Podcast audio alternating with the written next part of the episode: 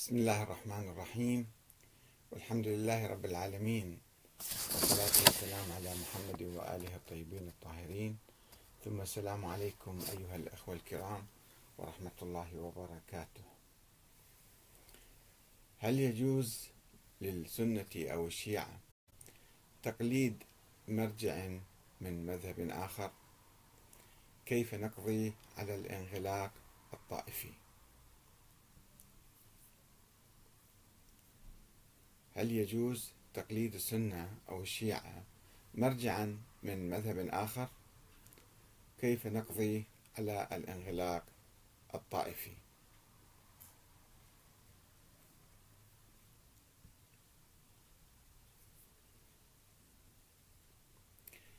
في هذا الموضوع هناك عدة نقاط.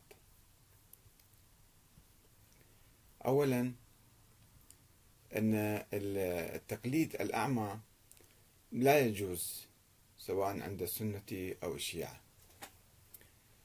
سواء في الأمور العقائدية أو في الأمور الفقهية.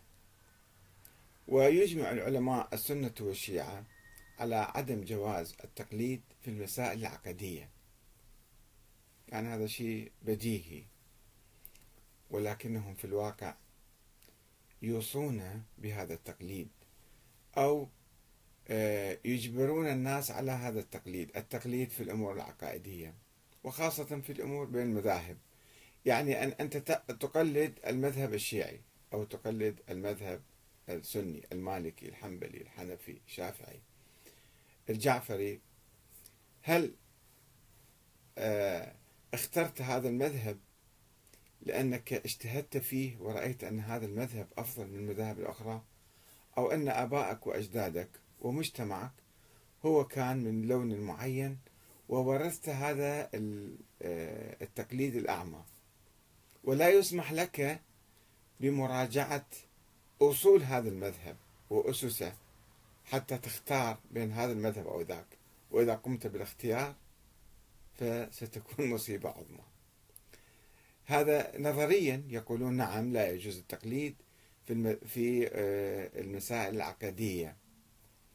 ولكنهم عمليا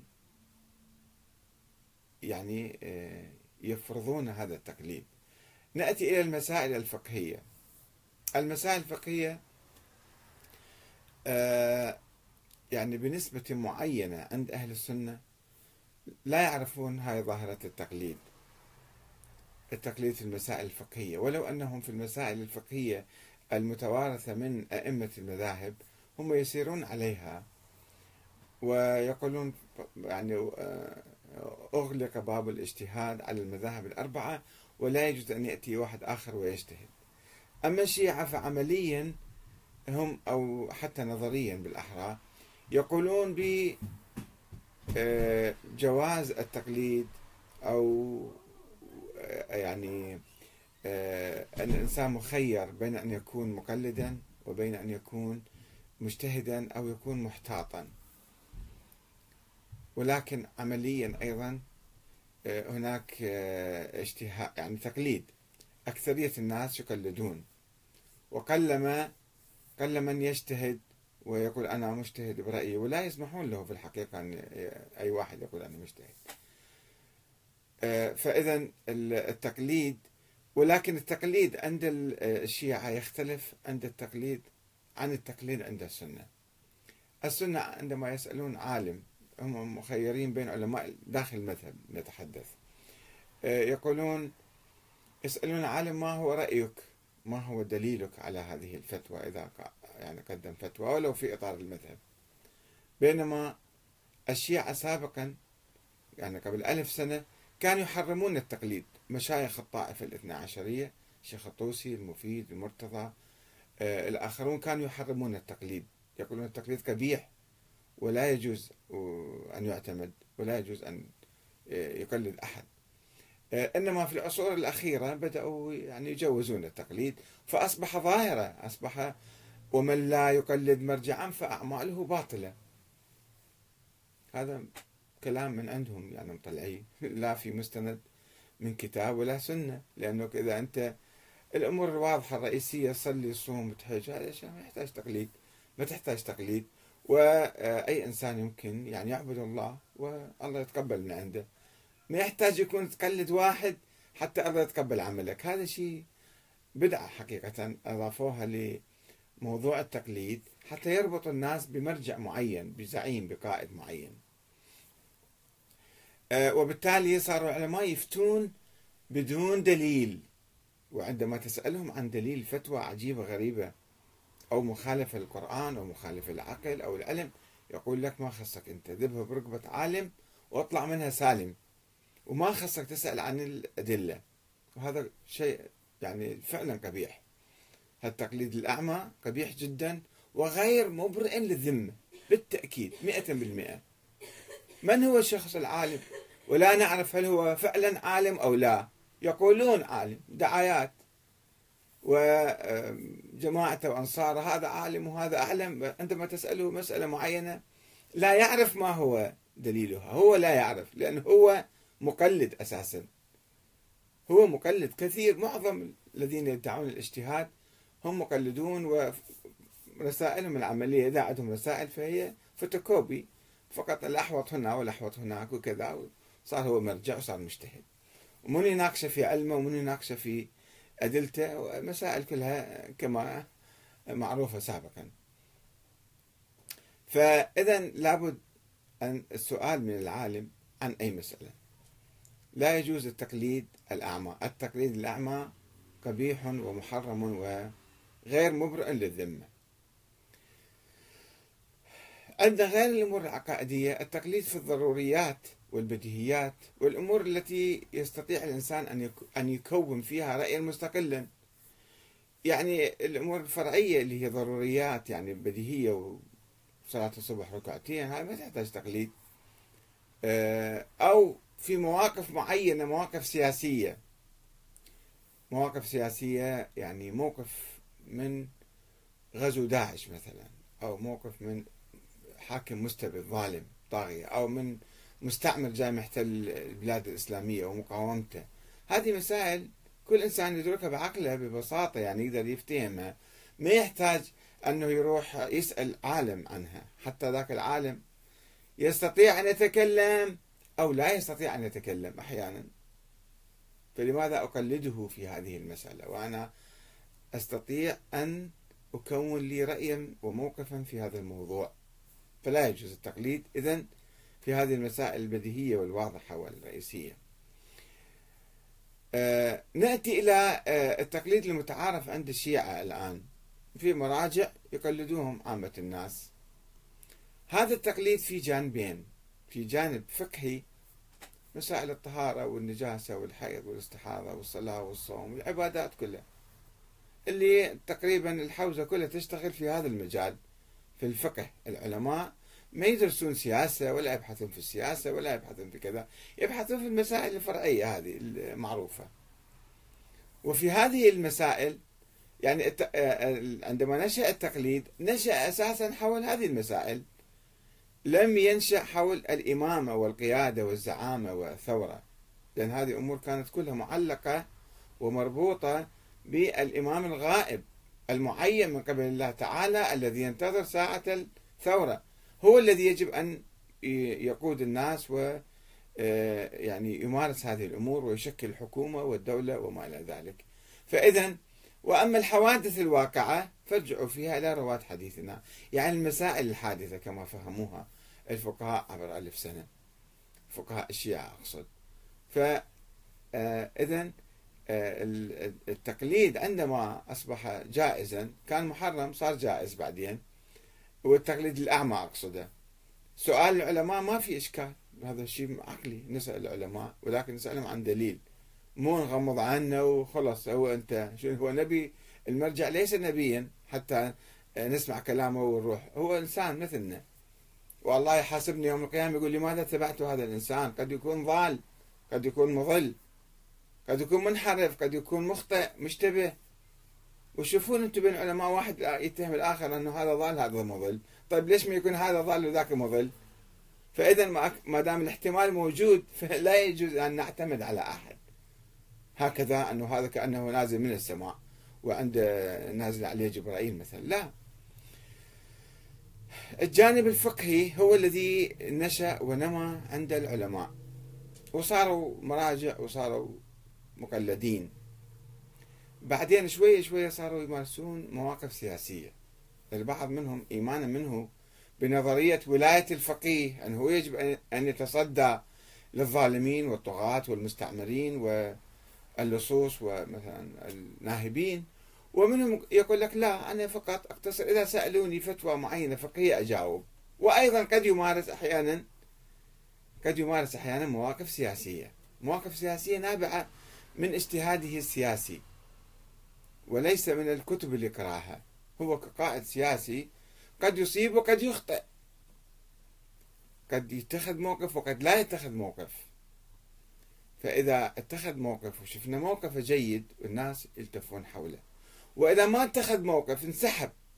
كثير من المجتهدين أو المراجع أيضا ينسحبون عن الحياة السياسية.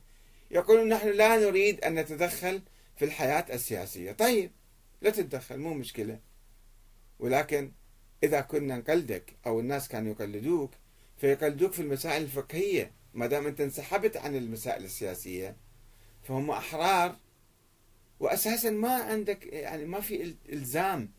إذا واحد قال أنا قلدت مرجع معين أن ألتزم بكل ما يقول سواء في سكوته أو في آه، تحركاته. لا إذا قال موقفا جيدا اتخذ موقفا جيدا أو أصدر فتوى معينة جيدة نحن نتبعه.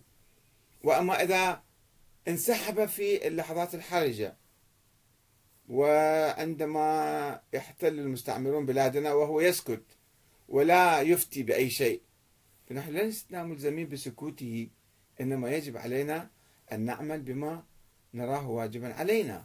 نقاوم المحتل نكافح المستبدين نطالب بحريتنا يعني بحقوقنا لا ننتظر هذا المرجع أو ذاك لأنه اسمه مرجع أو لأنه قلدناه في مسائل فقهية وتبعناه في كذا فهو يقول لك أنا مو مرجع شامل ما عندي شمولية كل موقف وكل حركة وكل سكنة بعض بعض المتفقهين بالحقيقة أو أنصاف المراجع الآن يقولون لا ما يجوز تعمل أي عمل سياسي إلا تأخذ إذن من المرجع ليش؟ من قال ذلك؟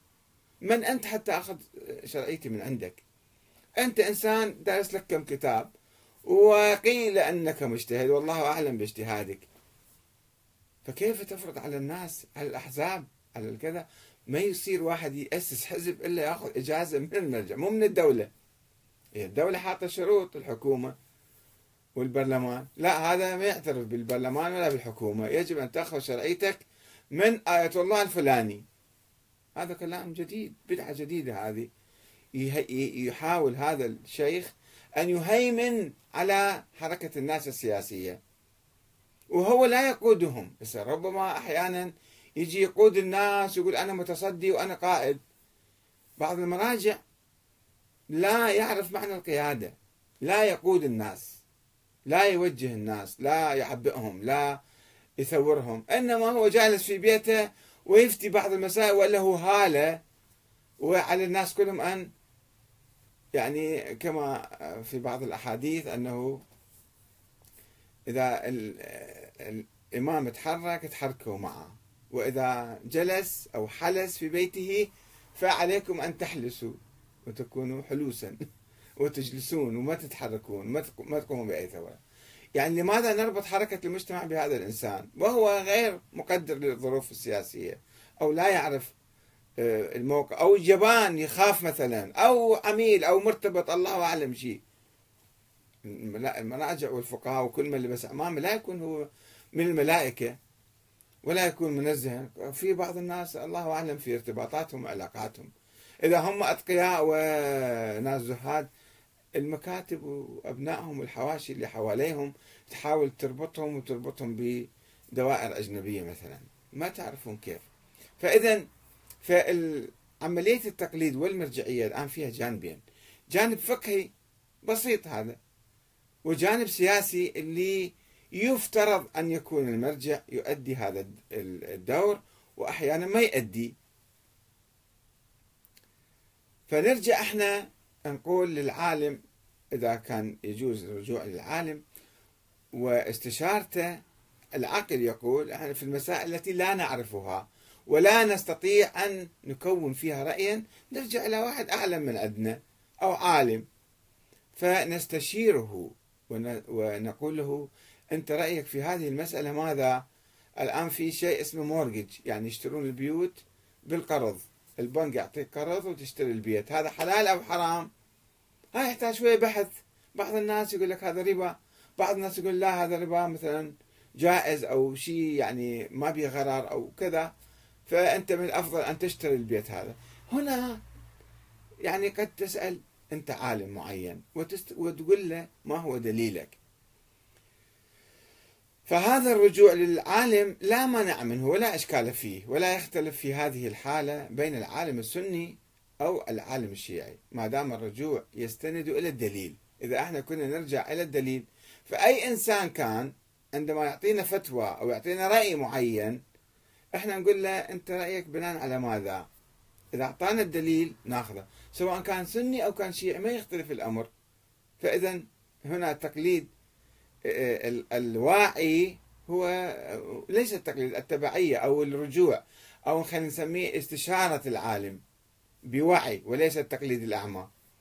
فهذا ما يختلف فيه لا سني ولا شيعي. فممكن الشيعي يقلد السني أو يتبع أو يستشير السني والسني يستشير العالم الشيعي. وكثير من العلماء كاتبين كتب في بعض المسائل المعمقة وعلم آراء. من نقرأ الرأي نشوف هذا رأي محترم. ما ننظر إلى هوية الطائفية لذاك العالم. أما الرجوع في مسائل الطهارة والنجاسة والصلاة والصوم هذه مسألة واضحة وبديهية ما تحتاج رجوع إلى أي أحد أصلا فيها ولا خلاف كبيرا فيها وإنما الرجوع في المسائل الوطنية والسياسية. هذه محل ابتلاء. أن الأمة تمر ب الآن مثلا قضية فلسطين قضية القدس. ماذا نفعل في قضية القدس؟ نتظاهر أو نسكت أو نروح نقاتل أو نروح نقوم عمل دبلوماسي؟ في آراء عديدة والأمة فيها تيارات عديدة ونظرات عديدة لمقاومة الهيمنة الاستعمارية الأمريكية والصهيونية مثلا أو المستعمرون الذين يحتلون بلادنا أو الذين يسرقون ثرواتنا وينهبون بلادنا. ماذا نفعل تجاههم؟ هذه هي المسائل الحساسة المهمة اللي نحتاج إلى قائد يعني يرشدنا فيها. مو ذاك اللي يعرف مسائل الطهارة والنجاسة هذا ما يقدر يكون لك رأي. هو ما يعرف ما مطلع ما متفاعل لا يسمع أخبار ولا يتفاعل مع الناس. صم بكم عمي فهم لا يبصرون. بعض العلماء حقيقة هكذا. ما يسمع أي شيء. ولا يتفاعل مع أي شيء. يمكن راديو ما عنده لا إنترنت لا راديو لا تلفزيون ما يشوف الأشياء ذي كلهن. جالس في بيته يقرأ بعض الكتب ويجيب مثلا ابنه أو كذا يجيب له بعض الأخبار أو بعض القصص. ما ما يعرف ما يقدر يقدر موقف حتى يعطيك موقف هو أو يعطيك مثلا رأي أو بيان معين. طيب في هالحالة هذه إحنا عندنا علماء متعددين سنة وشيعة في البلد بالعراق خصوصا مثلا. فهل هل نقف على تقليد عالم واحد؟ افترضوا اتبعنا عالم سألناه هو الأعلم. افترضوا هو الأعلم. الله أعلم. أنه هذا أعلم في المسائل. ما أدري كيف يمكن هاي يعني تحديد هالمسألة هذه. كما هو شائع سواء كان عالم ولا كان أعلم واحد راح قلد هذا العالم. وهذا يفتيك في بعض المسائل ولا يفتيك في كثير من المسائل. ولا يعطيك رأيا في كثير من المواقف المهمة. فماذا نفعل؟ نبقى على هذا الشخص واحد تابعين له وخاضعين له ومنتظرين كلامه. أو لا ممكن إحنا نشوف علماء آخرين في الساحة موجودين. أي قائد وطني أي عالم أي مثلا آه، زعيم يعطينا رأي صائب وجيد وكذا نتوجه إليه ونتبعه ونتفاعل معه. هل يمنع؟ هل هناك تناقض بين عملية التقليد المعروفة الآن في المجتمع المجتمع الشيعي بالخصوص وبين الانفتاح على بقية العلماء والمفكرين؟ وقراءة كتبهم وقراءة مثلا آه، آه، الانتماء إلى حركاتهم أم لا؟ الوقوف على مرجع واحد في جميع المسائل مستحيل وخطأ كبير ولا بد من التجزئة والنسبية في الرجوع والتقليد. يعني ما نقدر ناخذ كل المسائل هو أعلم الدنيا كلها في كل مسائل الحياة. ما يمكن. يمكن في عالم في بعض المسائل وجاهل في كثير من المسائل الأخرى. فلماذا نقلده تقليدا مطلقا؟ إلى آخر يوم في حياته أو في آخر يوم في حياتنا. هذا خطأ كبير في العادة المستحدثة الجديدة اللي اسمها التقليد. ولا سيما إذا لم يكن للعالم السني أو الشيعي فتوى أو موقف فيها فيها. فلا كيف يجوز إحنا نقلده؟ وبعض الناس شفتهم يقولون نحن نتبع العالم الفلاني. كل ما يقول لنا إحنا نتبع. إذا سكت إحنا نسكت وإذا قال نتحرك. هذا ما يصير. لازم إحنا شوي نشغل عقولنا أيضا. هنا يعني اذا إذا إحنا أخذنا آه، النسبية والتعددية في المرجعية وفي التقليد أو في الاتباع أو في الاستشارة راح نوصل إلى اللامرجعية يعني مو مرجع واحد لا مرجعية إنما تعدد المرجعية أو اللامذهبية. يعني مو إلا من مذهب واحد ناخذ الفتاوى والمواقف لا. ننفتح على بقية كلتنا مسلمين الحمد لله رب العالمين. وأي واحد عالم عنده رأي عنده موقف عنده كذا إحنا نتبعه ونأيده وندعمه. اللامذهبية واللامرجعيه طريقنا نحو الوحدة الإسلامية والوطنية. آه، وبهذه الطريقة نحن نقوم بتذويب وهدم الجدران الطائفية. وفي نفس الوقت نحن نقدر ونحترم جميع العلماء بلا تفريق بين سني وشيعي. أي عالم شفنا عنده موقف حكيم موقف آه، إنساني موقف مع الفقراء والمساكين موقف ضد المستعمرين والمحتلين موقف ضد السراق والنهاب إحنا نأيده سواء نأيده في المؤسسات الدستورية عنده حزب ننتمي إلى حزبه عنده انتخابات ننتخب قائمته مثلا أو ننتخب ننتخبه له أو جالس هو في بيته إحنا نروح إحنا نستشيره ونستلهم من عنده الهداية في الحياة. فما عندنا تفريق بين العلماء يجب أن لا نفرق نحترم جميع العلماء. مثلا مثلا على سبيل المثال أقول رجوع السنة إلى المرجع الشيعي السيستاني مثلا في موقفه من الدستور. السيد السيستاني اجتهد قال يجب أن نؤسس الدستور أول شيء ونشكل النظام السياسي الديمقراطي. واجتهد أيضا قال يجب أن نحافظ على الوحدة الوطنية وما نخلي الفتنة الطائفية تصير. ومثلا آه، آه، وما إلى ذلك. ومقاومة الإرهاب والدواعش فتوى عليها. هذه الفتوى ما تخص الشيعة تخص كل العراقيين تخص كل المسلمين الذين يعانون والوطنيين الذين يعانون من إرهاب داعش. فإذا هنا نحن إذا عالم اعتقد موقف نحترم هذا الموقف ونقدره من دون ما ننظر إحنا سنة ولا شيعة ولا هو سني ولا شيعي. في مقابل ذلك أيضا مثلا كمثال عجيب آخر رجوع الشيعة إلى المفتي السني الشيخ مهدي الصميدعي في الموقف من الاحتلال الأمريكي والدعوة لمقاومة الاحتلال والاستعمار والصهيونية. فهذا موقف أيضا متقدم. ربما ذاك المرجع سكت ما قدر يحكي الكلام. هذا دي يتكلم فإذا نحن نأيد هذا الإنسان ونتبعه ونقدره ونستشيره في هذه الأمور. يعني حتى لا تكون هناك اصطفاف طائفي حول المراجع. لا خلينا نكون كل العلماء نشوف كل واحد عمله ورأيه وموقفه. صحيح نتبعه. ما عنده موقف نعيفه نتركه. فإذا ما الذي يمنع الشيعي من الرجوع للصميدعي مثلا؟ أنا أنزعج عندما أشوف يكتبون مفتي أهل السنة وهو مفتي مسلم. مفتي لكل المسلمين. لماذا مفتي أهل السنة؟ أو مرجع الشيعي؟ لا مرجع مسلمين. فخلي نكون هالألقاب والتحديدات نحذفها من العناوين. ننظر للعالم هذا عالم إسلامي. إذا عنده رأي إحنا نستشيره ونأخذ من رأيه. ورجال تعب مثلا وراح دارس وكذا فنستفيد من علمه. ما الذي يمنع السنة؟ من الرجوع إلى السيستاني مثلا. مثلا دا أقول بعض الأخوة علقوا قالوا إحنا ما نعترف لا بالسيستاني ولا بالصميدعي طيب أنتم لا تعترفون بس؟ المجتمع يعترف. أنا أريد أزيل الحاجز الموجود بين هالطائفتين. خلي كل السنة يحترموا أي مرجع أي عالم من علماء الآخرين وأي زعيم وأي آه هذا.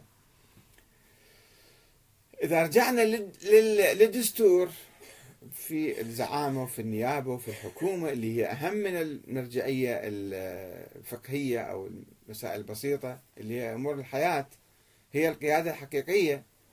تتمثل في البرلمان وفي المؤسسات التنفيذية رئيس الجمهورية أو رئيس الوزراء. ففي هالحالة إحنا نشوف الدستور العراقي اللي كل العراقيين صوتوا عليه. يعني بصورة عامة أكو ناس ما صوتوا. فهذا الدستور ما يفرق بين سني وشيعي. ما يقول رئيس الوزراء يجب أن يكون سني أو يكون شيعي أو عربي أو كردي. لا مفتوح. فإذا هاي الثقافة الدستورية الديمقراطية يجب أن تنعكس علينا على ثقافتنا الدينية أيضا. فلا تكون ثقافتنا السياسية وطنية وثقافتنا الدينية طائفية. تصير مشكلة بعدين.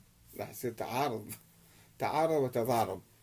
فما دام إحنا تقدمنا خطوة نحو الأمام وأقمنا نظاما لا طائفيا يعني ما في شيء طائفي بالنظام فإذا في مسائلنا الوطنية والثقافية والدينية أيضا يجب أن ننفتح على الجميع.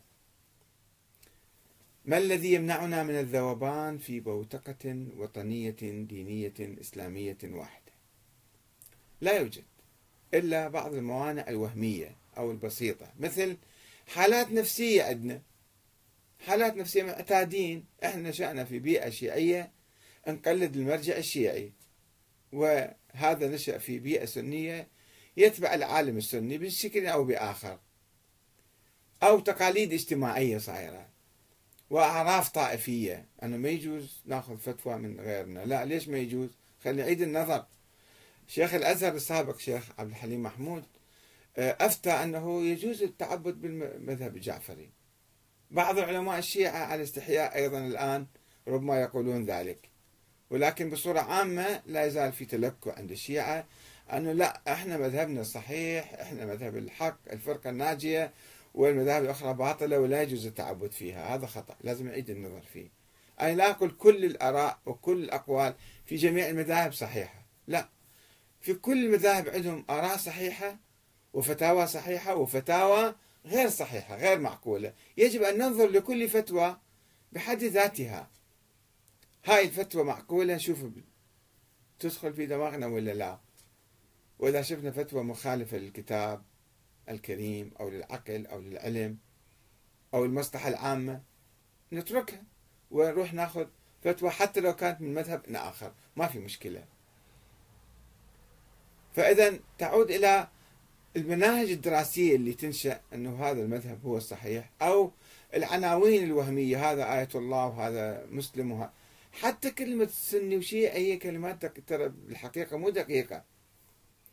يعني أي الشيعة سبعين مذهب أو أكثر من سبعين مذهب صاروا. من يقول هذا المذهب أو هذا المرجع اللي هو المحدد هو يتبع جعفر الصادق أو يتبع مذهب أهل البيت. أنا أشك في ذلك. في كثير من الناس يدعون الانتماء لمذهب أهل البيت وهم بعيدين عنه. هم منحرفون شاذون غلاة يعني بعيدين عن مذهب يقول لك أنا شيعي فكلمات هي مضللة عامة مطاطة. وهذا سني. شنو معنى سني يعني؟ يحب أهل البيت ويصلي ويصوم مسلم وكل شيء. ليش أنا أفرق بين هذا وبين ذاك؟ أقول هذا سني وهذا شيعي. وأنا ما أعرف شنو يعني معنى الشيعي وشنو معنى السني.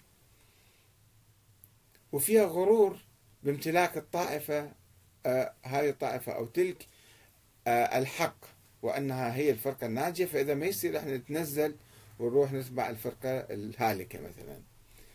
وعدم معرفة الأخطاء والانحرافات والبدع الموجودة في كل طائفة. فإذا لو عدنا إلى القرآن الكريم والعقل والعلم والمصلحة العامة والتزمنا بالمبادئ الإلهية لزالت الطائفية والتخندق الطائفي والانقسام الطائفي والمرجعيات الطائفية بين المسلمين مرجعية شيعية ومرجعية سنية. خلينا نكون مع بعض.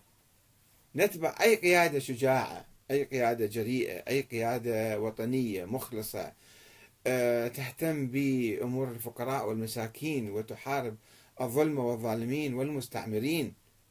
إحنا نتبعها. وإذا شفنا قيادة حتى لو كانت كبيرة خانعة ساكتة جبانة مداهنة مسالمة للمعتدين. فعقلنا وقرآننا وديننا لا يأمرون بطاعة هؤلاء القادة المزيفين والذين يسمون نفسهم مراجع أو يسمون نفسهم مفتين أو بعض المفتين يفتون بالإرهاب بالقتل بالكذا. تعرفون كثير على القنوات الفضائية هو مفتي الإرهاب مفتي الناتو يسموه حتى بعضهم. أقتل مدني عسكري كبير صغير عالم جاهل. هاي الفتوى ما ما يمكن إحنا نتبعها سواء صدرت من عالم سني أو من عالم شيعي. فخلينا نشوف ياهو يدعون للسلام والمحبة والأخوة والوحدة الوطنية. هذا هو المهم. ونجتمع مع بعض بدون تفريق. هناك عندنا عدة تعليقات من الأخوان.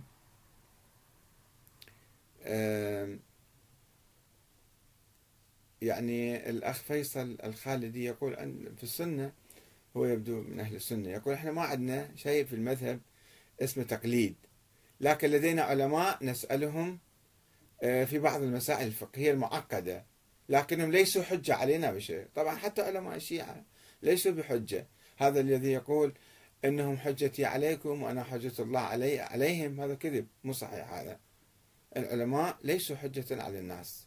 ولو بعضهم يسمون نفسهم حجة الإسلام والمسلمين. ما أدري يعني كلام ما له أساس من الصحة.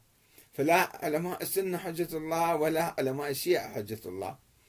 فما في واحد اسمه حجة على الناس. وإجابتهم يجب أن لا تنحرف عن الدليل العقلي والمنطقي.